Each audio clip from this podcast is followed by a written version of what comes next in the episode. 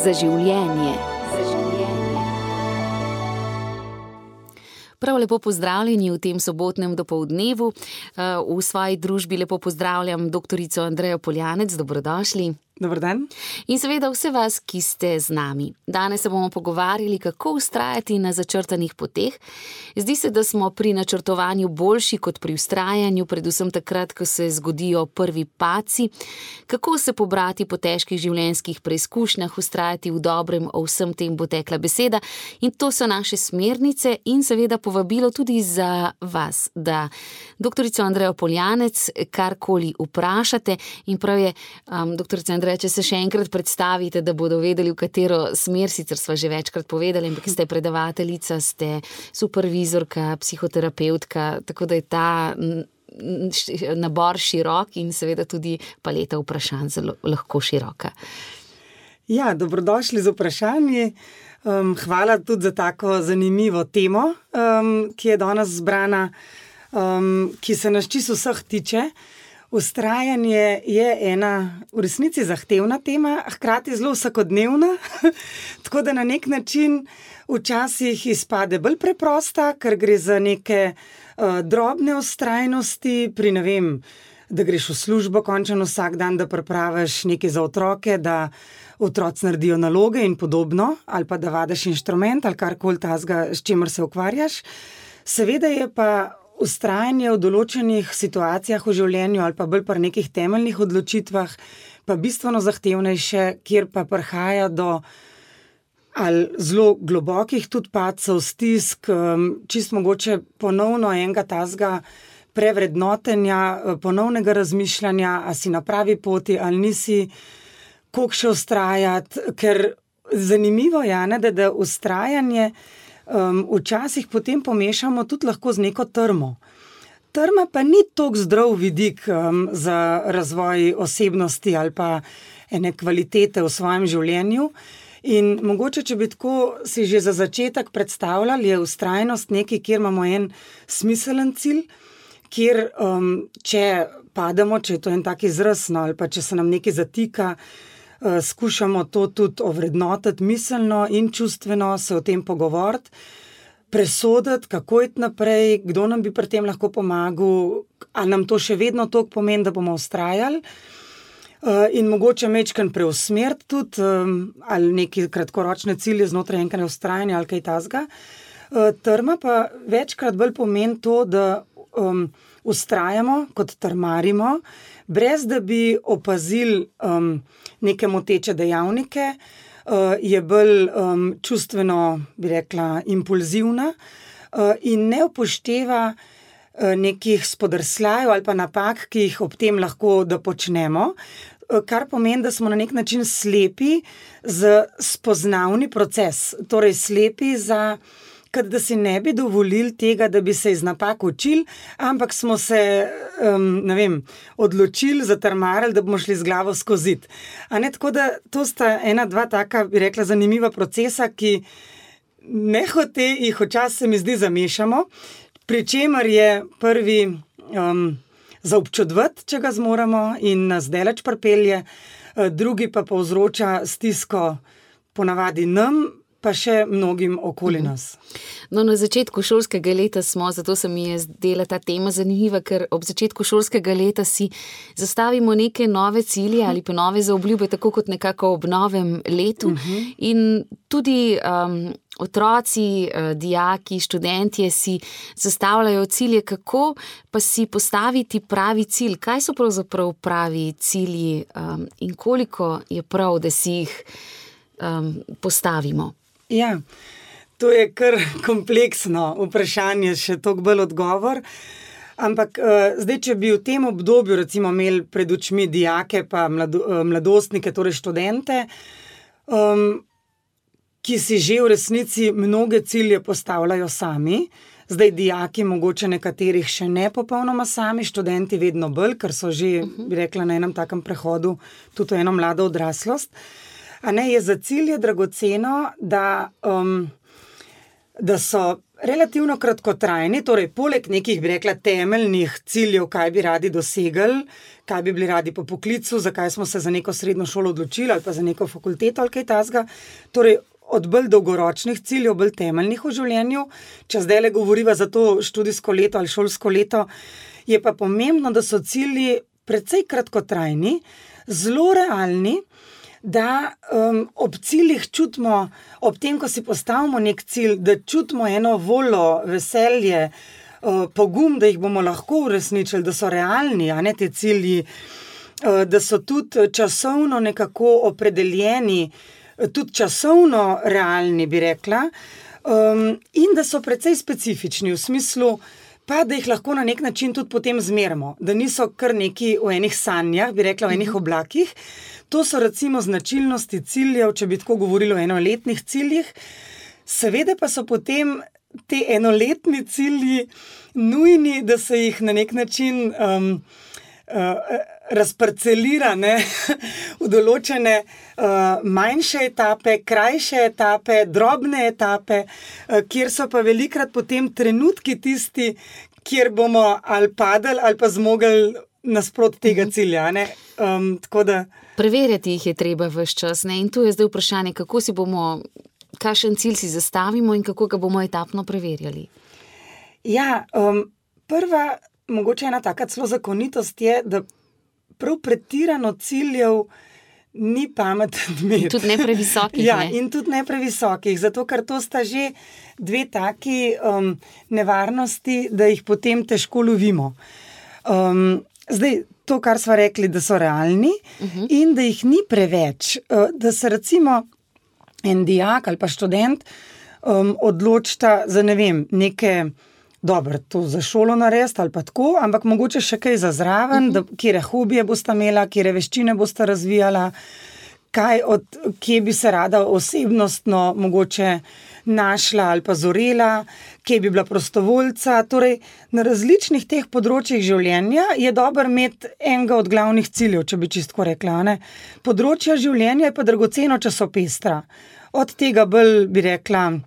Um, kognitivnega, oziroma šolskega, študijskega, ne, kot akademskega, no, uh, potem um, odnosnega, potem en, kjer so recimo čustveno zorenje, socialno eh, zorenje ali pa razvoj odnosov. Ne?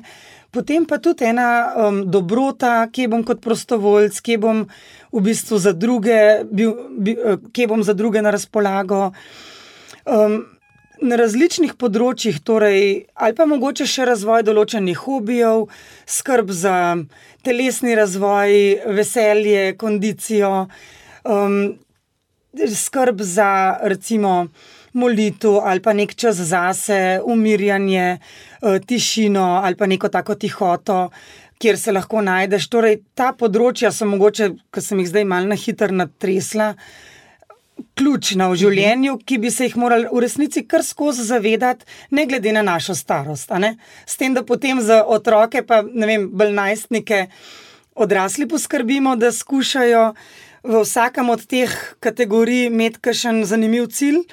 Eh, medtem, ko potem, recimo, če zdaj skočim na študenta ali pa na odrasle, je pa že um, pomembno, sploh za odrasle, da sami se zavedamo, na katerih vseh področjih je dragoceno med cilje, zato ker med cilje samo uh, fokusirane v uh, eno smer, naprimer samo dosežkov akademskih, je zelo skromno in tudi nezdravo. In, uh, osebnostno potem težko zorimo. Sicer bomo lahko ponosni, bomo vem, mogoče v petih odstotkih najboljših študentov uh ali pa kaj tasga, kar je seveda perfekten dosežek, ne? ampak v resnici bomo pa osebnostno ostajali prazni, lahko celo ne povezani z ljudmi. Um, Lahko nezadovoljni na koncu. Ne? Tako da ta v bistvu kompleksnost ciljev je tista, ki dela en končen cilj. Um, v resnici eno srečo, občutek izpolnjenosti, občutek tudi, da si nekaj naredil za, um, za zadeve, ki ne zginejo, torej ki bojo večno ostale, in občutek, da si na teh poteh um, različnih, ne, doseganja različnih ciljev, premagal velik strahu. Uh, to so v bistvu glavne, bi rekla, pa te smernice, ki obarvajo smiselnost mhm. ciljev in tega našega sploh življenja na tem svetu. Zato je tudi pomembno, kar je doktorica Andreja Poljanec, da imamo več različnih področji, ker um, na ja. različne načine rastemo in tudi nekje cilje dosegamo hitreje, boljše. Če smo, ne vem, med akademskimi, ne v tistih petih odstotkih, ampak kje druge nas lahko pravzaprav zadovoljijo um, drugi cilji in smo res, kot ste rekli, srečni in izpopolnjeni ljudje. Ja, celo zdaj sem se spomnila, da si še tole malo bolj izpostavila. Celo dokazano je, ne, to zdaj že kar jasno, mogoče že kar 10-15 let odkar so te raziskave bile, bi rekla, bolj poglobljene, no, v smislu, uh, koliko pomembno je biti uh, kognitivno um, uspešen ali pa koliko visok uh, inteligenčni količnik je fino med, da boš kar da uspešen. Uh, v resnici uh, to sploh ni ključen dejavnik ne, za občutek, da si srečen, oziroma da si v življenju nekaj pomembnega dosegel, da se ti splača živeti, da si zadovoljen, da eh, si izpolnjen, da veš, da je tvoje življenje smiselno, integrirano, zanimivo. Ne? Ker veliko časa, dolga obdobja je bil ta inteligenčni količnik nekaj, kar bi si vsi želeli, kar seveda je lušten, če si kaj hiter zapomniš ali pa hiter pogruntaš, ko mm. študiraš. Ampak k sreči smo tako ustvarjeni, da je to delč od tega, da bi bilo ključno. Uh -huh. uh, tako da imamo mrskaj drugega, pa vsi možnost razvijati, pa se včasih premalo zavedamo in je fino, da bi se bolj zavedali za to, da dobrodošle še ta danes oddaja. Doktorica Andreja Poljanec, ko pa seveda želimo neke cilje doseči, ko si jih začrtamo, pa moramo vedeti tudi, da moramo spremeniti kakšne navade. Vem, da vi tečete, kolesarite, ste športno zelo dejavni. Za tisti, ki nismo tako športno dejavni, pa bi si naprimer zadali cilj, da bomo pretekli vem, toliko in toliko kilometrov, moramo pa korenito spremeniti navade. Pa je to le eden od primerov. Tudi če vem, želimo biti bolj uspešni v šoli, ko si dijaki začrtajo, morajo spremeniti navade, da vem, redno študirajo. Ja. Kako pa zdaj spremeniti te navade? To je pa tisto, kar uh, cilje še napišemo, um, kako bomo spremenili navade, tu pa že malce zaškripljeno, se mi zdi. Ja, seveda, realizacija je tista. Ideje imamo ponavadi kar dobre, uh -huh. uh, kar Bogu hvala, pri ideji se začne. Ne? Zdaj, seveda, se pa potem uh, um, pri realizaciji pa neredko zatakne, zato ker je pa to v resnici res zahtevno. Uh, Eh, namreč naši možgani so zelo len organizem. Posebej, če pogledamo naprimer otroke, mladostnike, oni delajo po načinu, da prihranijo energijo in da delajo tisto, kar jih pač veseli. In vsi smo v bistvu k temu nagnjeni. Um, in tudi uh, naši možgani so v bistvu sprogramirani, torej. Te povezave med nevroni so že vzpostavljene v določenih eh, pač, smerih, mrežah, ki narekujejo naše vedenje, naše uh, odločitve, kaj nam ustreza, kaj um, nam paše. In to vedno dosegamo z večjo lahkoto, torej z manjšim naporom. Zato vsakeč, ko želimo neko spremembo ne, ali pa navado ukoreniti, pa bi si jo želeli zahteva to čist neurofiziološki, organski napor v telesu, ki porablja energijo. Um, zato ni čuden in meni se zdi dragoceno, in sem vesela, da si tole vprašala, da se ne počutimo potem slabo ali pa kot nekih um, zgub, če um, do teh občutkov ali pa lenobnih trenutkov, a ne neke neodločenosti ali pa šibkosti prihaja, ker so v resnici kar zelo naravni. Kar čist konkretno v situacijah pomeni, da moramo spremeniti za začetek zelo mehne um, zadeve. Po mehkih korakih se delajo velike spremembe. To je ena taka zakonitost v resnici našega telesa, pa tudi našega duha, naše, torej telesnih sposobnosti in psihičnih, pa tudi, seveda, duhovnih, če gre za neke take cilje, kjer je mogoče to še bolj pomembno. No? Um, zato um, mehne uh, spremembe so tiste, ki nam zagotavljajo na nek način velike dosežke, uh -huh. uh, zato ker naše telo postopno natrenirajo. A ne tudi, kar si že prej dala en tak, bi rekla, športen primer. seveda, uh, že v vsakem treningu športnem, ki se otroku piše, ali pa če odrasli se odločimo, da bi začeli vem, tekati ali pa vem, voziti kolo. Boš najprej šel na manjše razdalje, ker drugače tak naslednji dan ne boš nič mogel. Ne? In nekdo, ki bi si želel ne vem, pridobiti neko kondicijo ali pa naslednje poletje jeti na 3000, na 3000 mhm. metrov, naprimer, en hrib.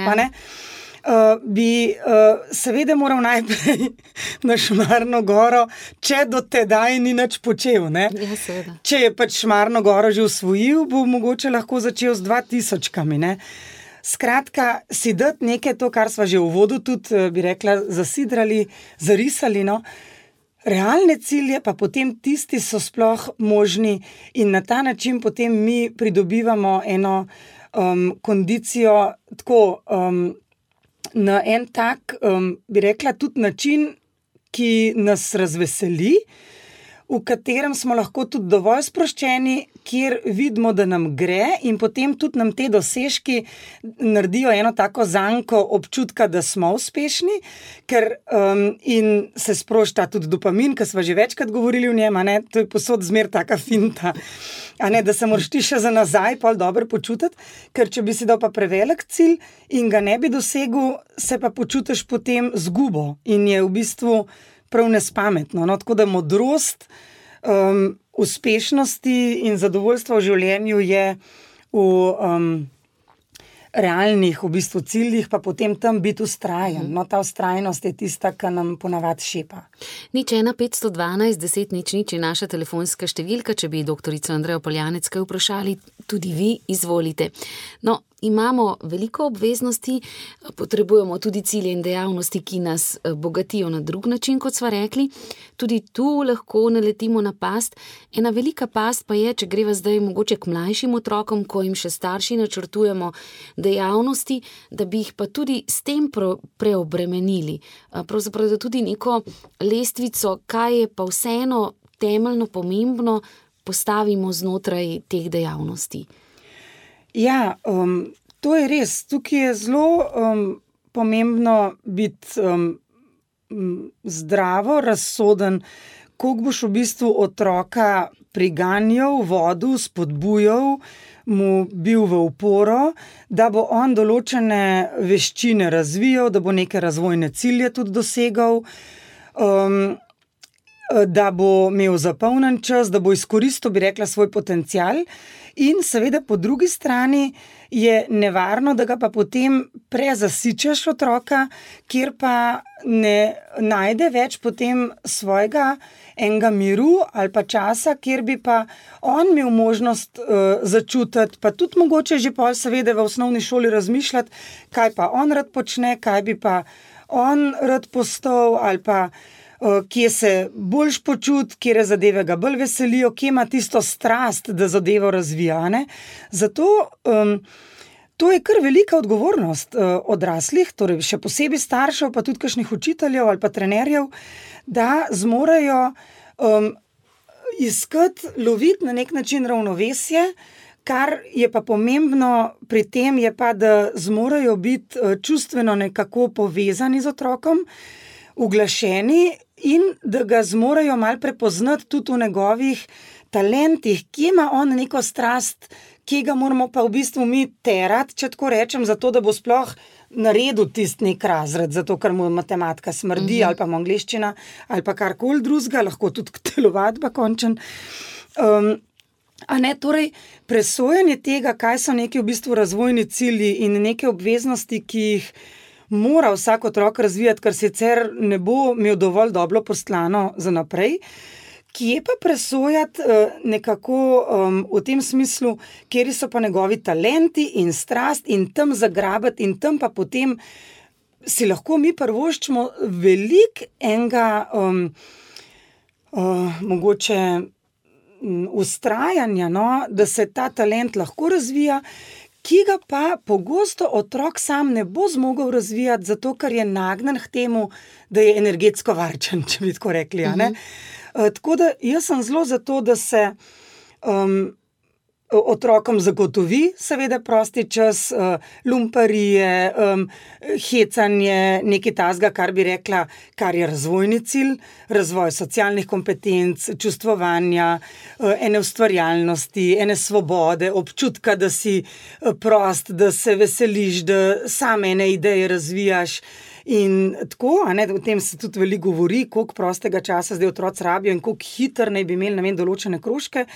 Ampak moram reči, da recimo tako ali posebej mestni otroci, ki eh, posesajo v petih minutah, če mu daš neko nalogo, pa tisto, kakšno nalogo za šolo naredijo. Pri tem, da so nadarjeni, da imajo veselje do razvoja določenih talentov ali športnih, glasbenih, kakršnih koli gledaliških, mm. ne vem, karkoli. Eh, je zelo dragoceno, da to lahko razvijajo.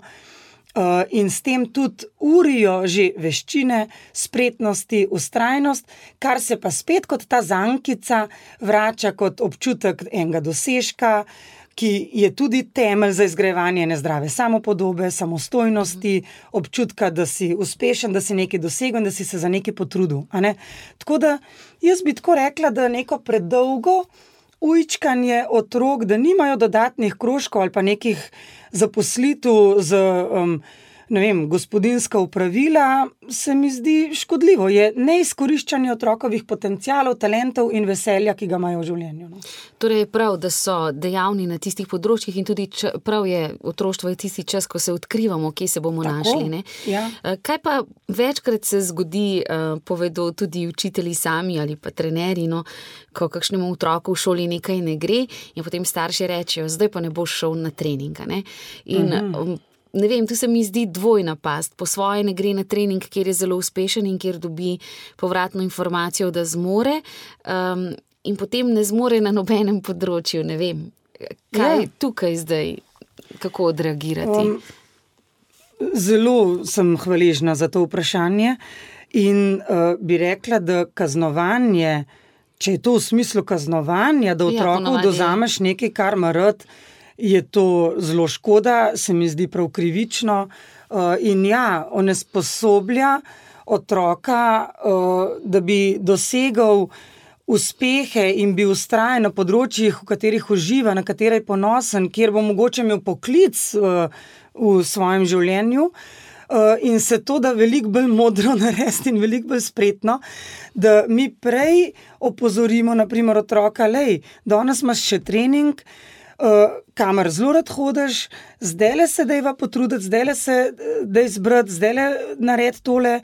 Sicer imam občutek, da ne vem, ne vem kako se bomo pogovarjali v, v smislu, če imaš ti vsak dan trening. Morajo starši biti v bistvu tako iskreni tudi pri pogovoru z otrokom. No, to bi rada izpostavila, da se bo otrok ali pa tudi najstnika ne, začel zavedati, da so ene stvari, ki so pač obvezne. Pač osnovna šola je obvezna, ne moramo reči, da je ja. In je tudi grozljivo butati, da jo ne bi naredil, ne? ker je večina otrok sposobna jo narediti. Ali pa s prilagojenim programom, končen. Kakršno koli šolo ti moraš narediti. In je tudi smiselno, da jo narediš, ni sam, da jo moraš. Ne? In zdaj, tukaj je en osnoven. Uh, cilj, ki ga bomo dosegali. Potem je še najbrž neki cilj, da ima doma mečkan za pomagati, da mora ta prav čas v poslu, je tudi en cilj in uh -huh. tako naprej, da se stošira na vsake tok časa, torej, da kaj v miru poje in tako naprej. Torej, so neki cilji, ki so že v nekem takem, bi rekla, prvem paketu, ki se mu ne bomo odpovedali, ker bi bilo nezdravo ne, ali pa nesmiselno. No, in potem drugi cilji so pa v povezavi z otokovim veseljem in strastjo, ki so pa nič manj pomembni, samo kakovostno so drugačni, a ne samo drugačni so. In zdaj, um, tisto, kar je pomembno, je, da se obojnih ciljev zavedamo, da obojne cilje. Bi rekla z, enako, um, z enakim dostojanstvom ali pa vrednostjo ali pa hvaležnostjo, da smo do teh ciljev prišli ali pa da jih imamo možnost sploh dosegati, uh, pristopamo, da ne naredimo ene take nerodne diskrepance, kje so bolj pomembni, pa kje so manj pomembni. Um, ampak da potem začnemo eh, pogovore v smeri, kako organizirati življenje, kako organizirati neko doslednost, hitrost mogoče pri opravilih, strukturiranost dneva, da bomo lahko vse te cilje primerno zasledovali. Če pa kljub temu ugotovimo, da je preveč nekih krožkov, potem pa seveda to je lahko znak, da je treba tudi neko spremembo, ker se pa to seveda tudi lahko zgodi. In potem zmanjkuje časa, če ne drugega, velikrat pri mladostnikih za spanje ali pa pri otrocih. Spanje je, je pa temeljno. Ne? Kar pa je temeljno, čisto uh -huh. čist ena osnovna.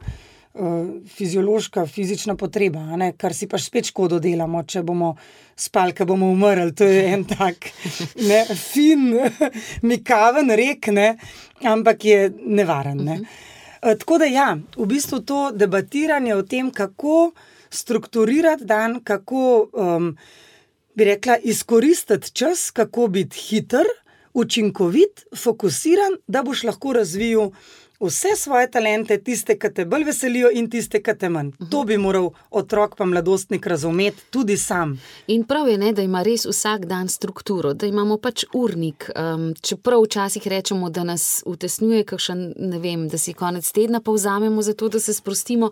Ampak sama, recimo, lažje delujem znotraj urnikov.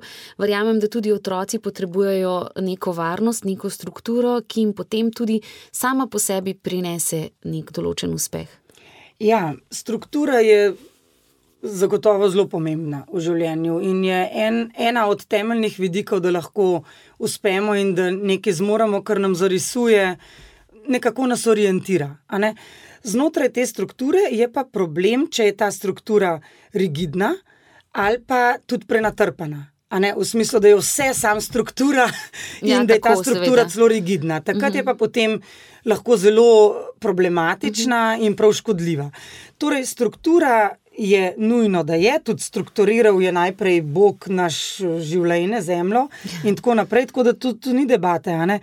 Ampak znotraj tega pa mora biti svoboda, svoboden čas, prost čas, bi mu rekli s sodobnim jezikom, kjer pa ti v resnici lahko tudi uh, najdeš en stik s sabo, se sprostiš, se umiriš, um, se hecaš in imaš noter te strukture, tudi bi rekla, elemente, kjer si lahko veliko bolj ustvarjalen.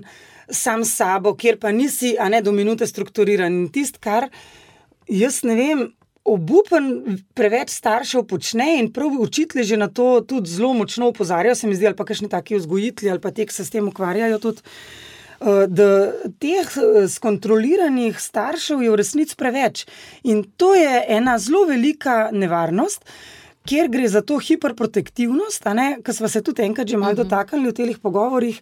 Tukaj postane ta struktura nevarna, ker je na podlagi kontrole in strahov, ne pa na podlagi, da boš ti mečken lažje živel, zato ker boš imel ene stvari malo začrtane, kako približen bo dan zgledu.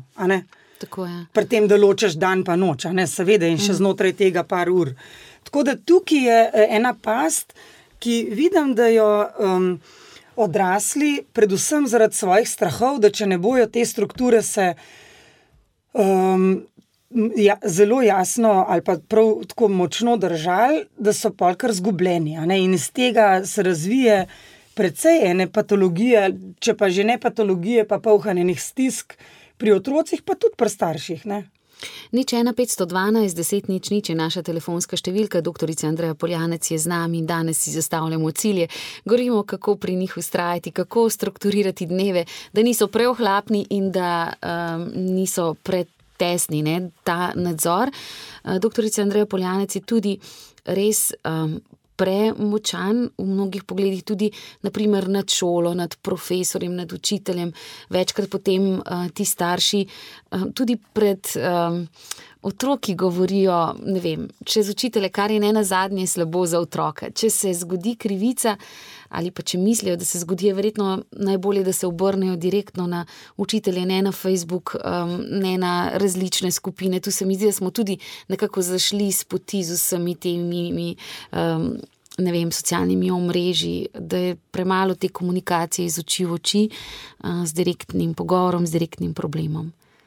Ja, um, A v smislu, če so, če so razočarani, da so previsoki tako, cilji? Previsoki da... cilji, da otrok Aha. ne dosega teh ciljev ali da, da mislijo. Recimo, veliko krat se zgodi, doma to dobivamo očitke, doma je otrok vse znal.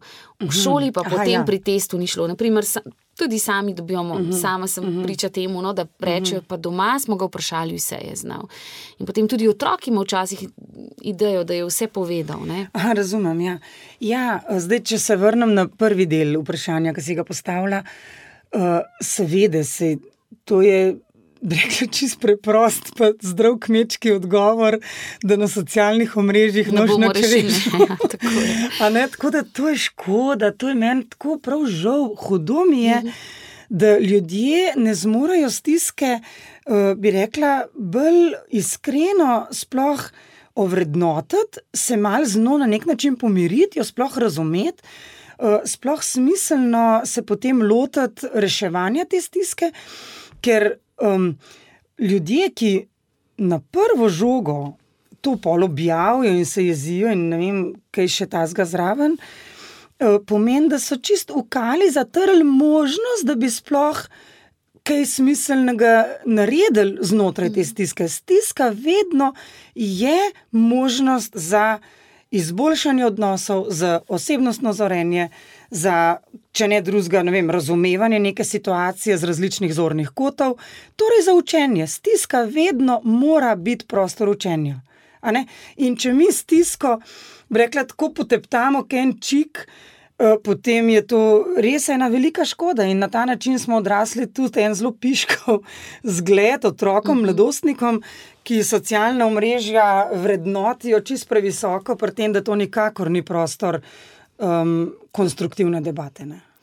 Tako, torej iz oči v oči, uh, direktno z iskrenim pogovorom. Če je tudi treba, tako, če je ne, najprej, ja, no, najprej velikrat je zelo dragoceno, sploh iz oči v oči mladostnika pogledati, uh mhm. -huh. pa najstnika pa sploh si dovolj začutiti, ali je on res tam, ali je res znov, ali mogoče sploh se ni vse snovi naučil, pa je mislil, da se jo je, ali je pa ugotovil, da sta mu dva naslova manjkala, mogoče v uh -huh. uh, naravoslovju, zvezku, in tako naprej. Sploh najprej kot starš umirjeno pristopiti. In postaviti par smiselnih, odprtih, čutečih, bi rekla, vprašanj, pod vprašanj, da sploh res vidiš mečkan bolj celostno sliko. Ker jaz seveda te preseneča, da je dobil trojko, zvečer je pa ne vem, zdrdrov tistih par uh mhm. -huh. stvari, ki jih je moral znati. Seveda te preseneča in je čisto v redu, da te preseneča. Pomen, si se to pozanimal, si otroka zvečer sprašval. In je dragoceno, da te preseneča, da te mogoče celo šokira in otroka tudi.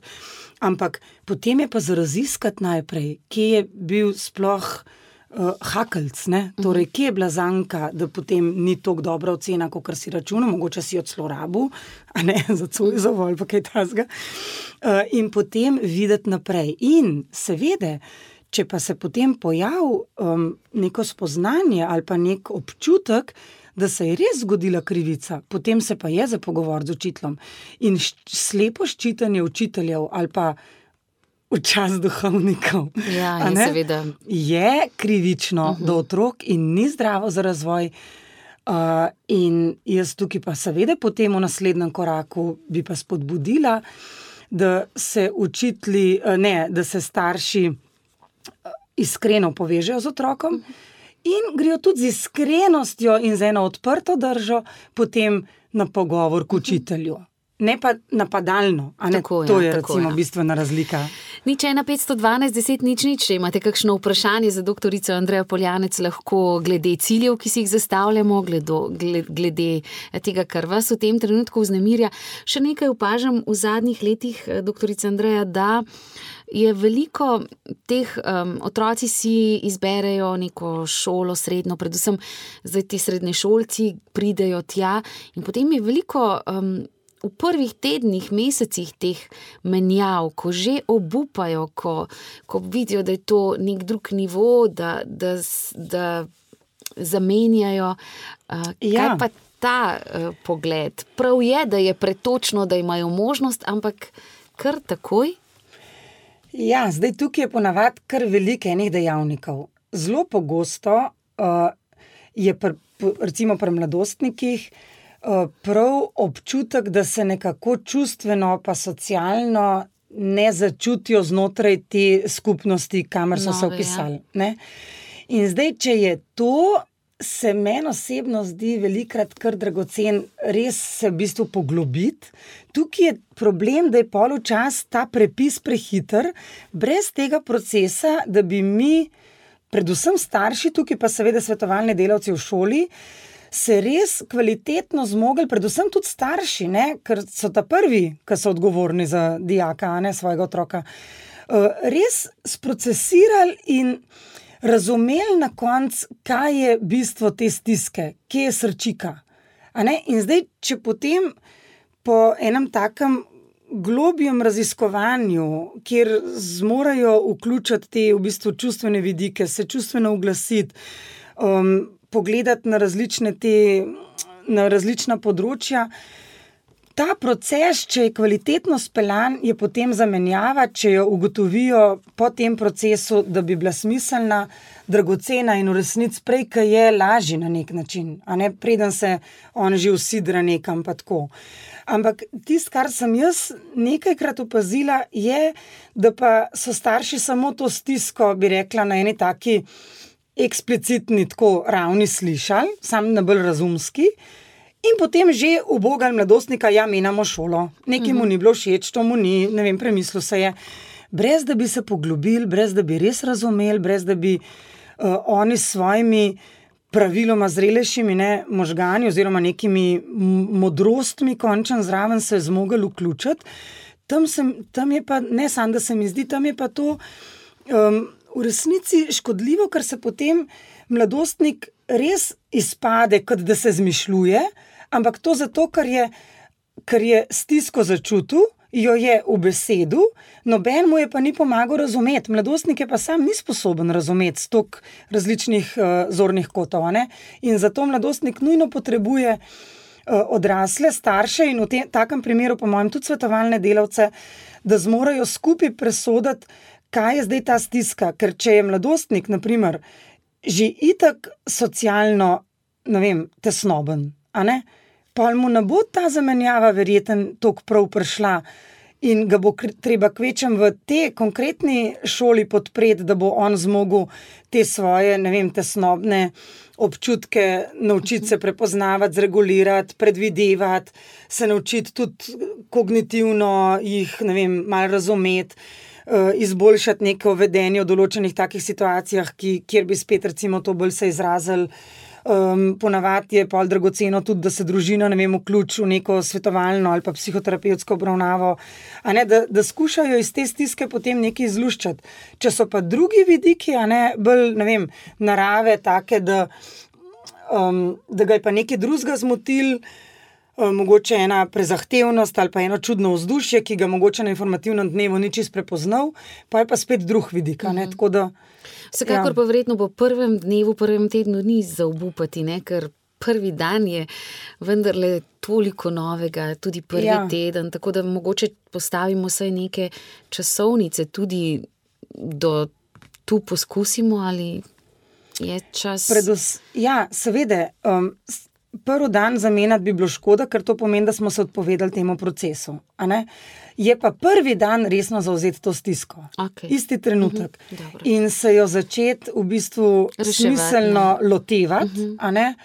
uh, poglabljati razumevanje, širiti razumevanje, razvijati eno tako občutljivost, uh -huh. se povezati z odraslimi, ki praviloma to tudi strokovno, naprimer, bolj razumejo, in potem um, mogoče vem, znotraj nekih tednov, ali včasih gre hitreje, včasih počasneje, ampak znotraj enega tazga, bi rekla, časovnega, smiselnega še okvira. No?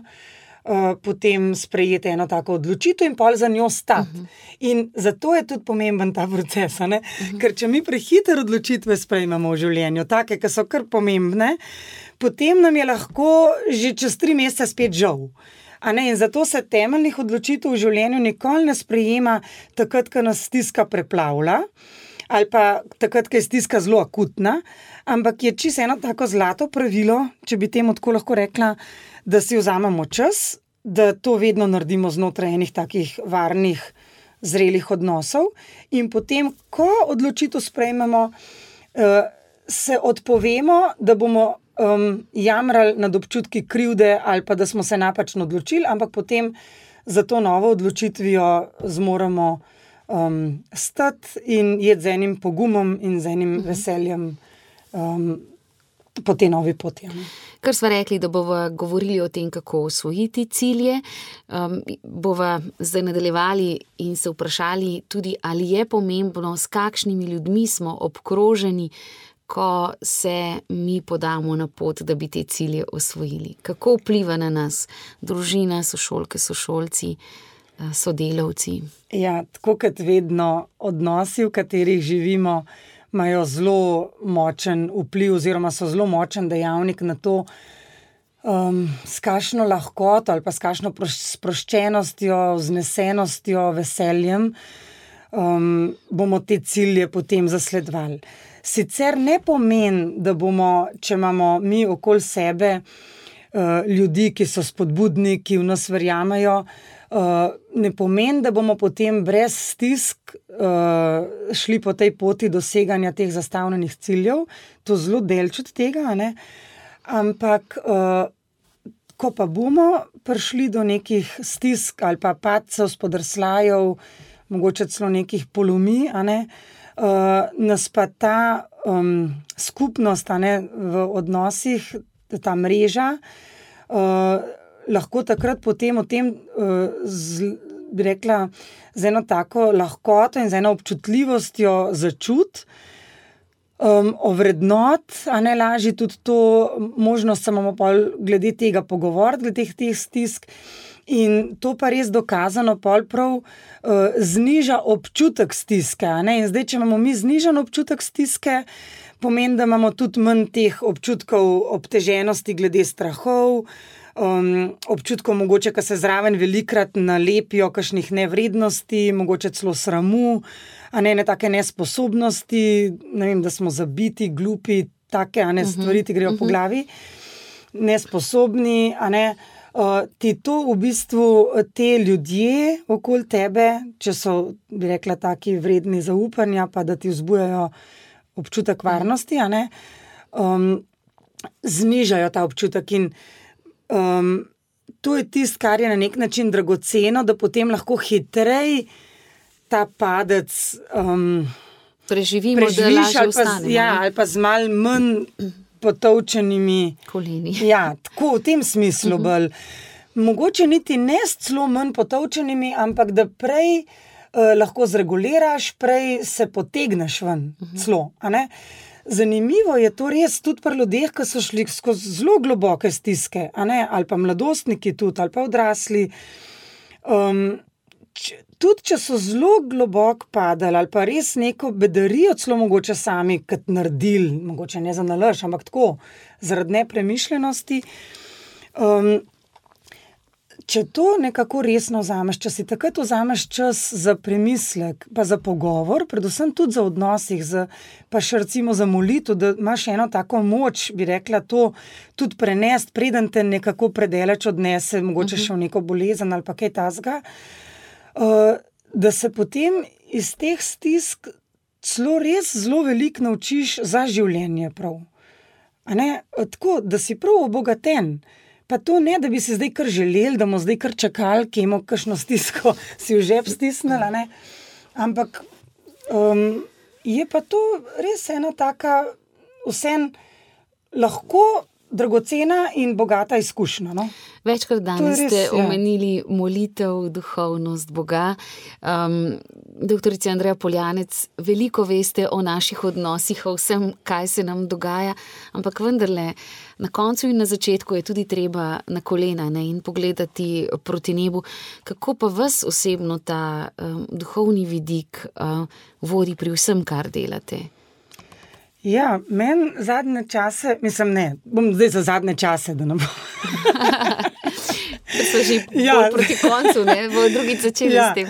Um, to uh, vsakodnevno v bistvu um, predajanje in v vsakodnevnih, tudi drobnih stiskah, ki prihajajo, vidim v tem eno tako blazno blagostanje. Tako da si v bistvu ti kar prežet s tem, da si božji otrok, da si v ta pravih rokah. In je zanimivo, da se v bistvu tega, bi rekla, tako navadiš, da ti je kar mal za mem grede. In se mi zdi, da um, to je tisto, kar je tudi lepega.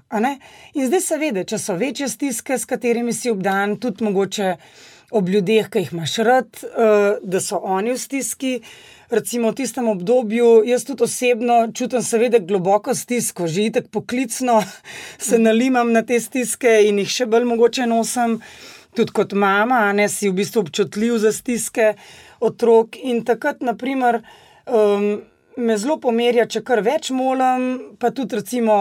Uh, ko tečem, molim, ali pa se za nalož odpravim na kakšno športno, pa ne, imam recimo takrat to bolj v spredju. Uh -huh um, ali pa še z možem, ki je skupaj pomolil v ta namen, ali pa tako, ali pa kaj preberem iz svetega pisma. Torej, poiščem.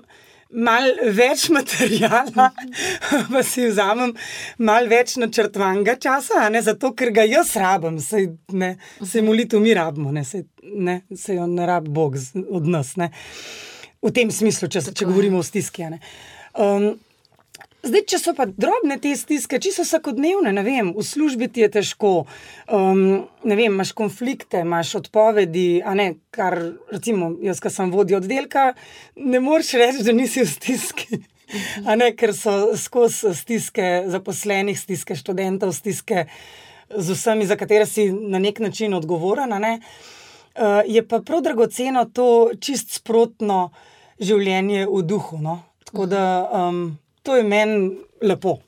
No, in vam verjetno pomaga, um, se ste tudi sami rekli, da uh, ko padete, se lažje poberete, se lahko naučimo tega, uh, da po vsakem pacu se lažje poberemo. Um, ja. Mislim, mi smo ustvarjeni tako, da se tega naučimo. Uh, tudi uh, končen imamo zgled. Ne, um, Jezusov. Mislim, meni je prav zdaj, ki smo imeli danes tole, mi je zanimivo. No? E, takoj padla v oči um, ta podoba, ko je Jezus uh, bil na križevem potu in je pol ta Simon iz Cirene predrajal, tako sem skoraj mal purinala. Uh, ampak mislim, tako lep prikaz, da ne kljub temu, da je Bog, a ne Božji sin.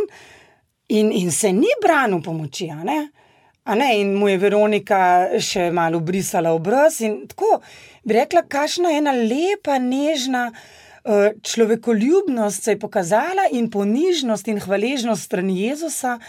Ne vem, kako je to v bistvu v nas urojeno, da stiska nikakor ni zato, da se boš sam boril, pa nekaj dokazoval. Stiske so del življenja. Eh, nikakor nismo um, idealno v tem svetu opremljeni ali pa zavarovani.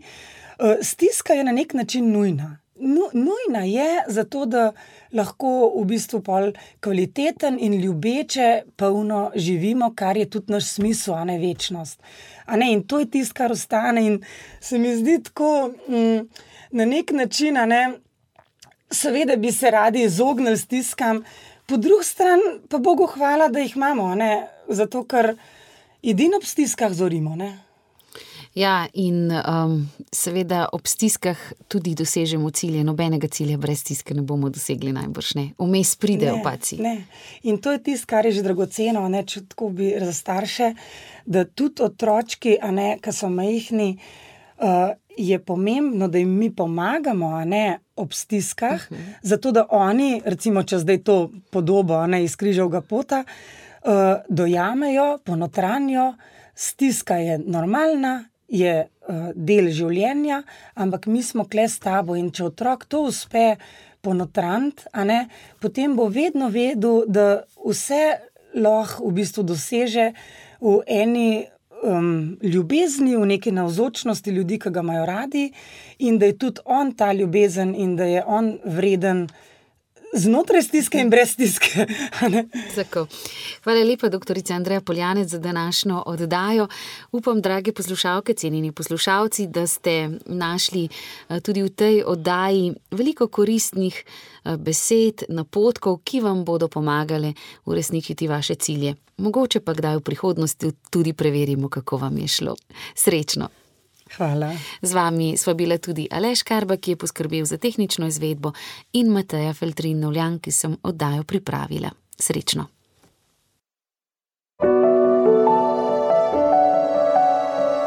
Za življenje. Za življenje.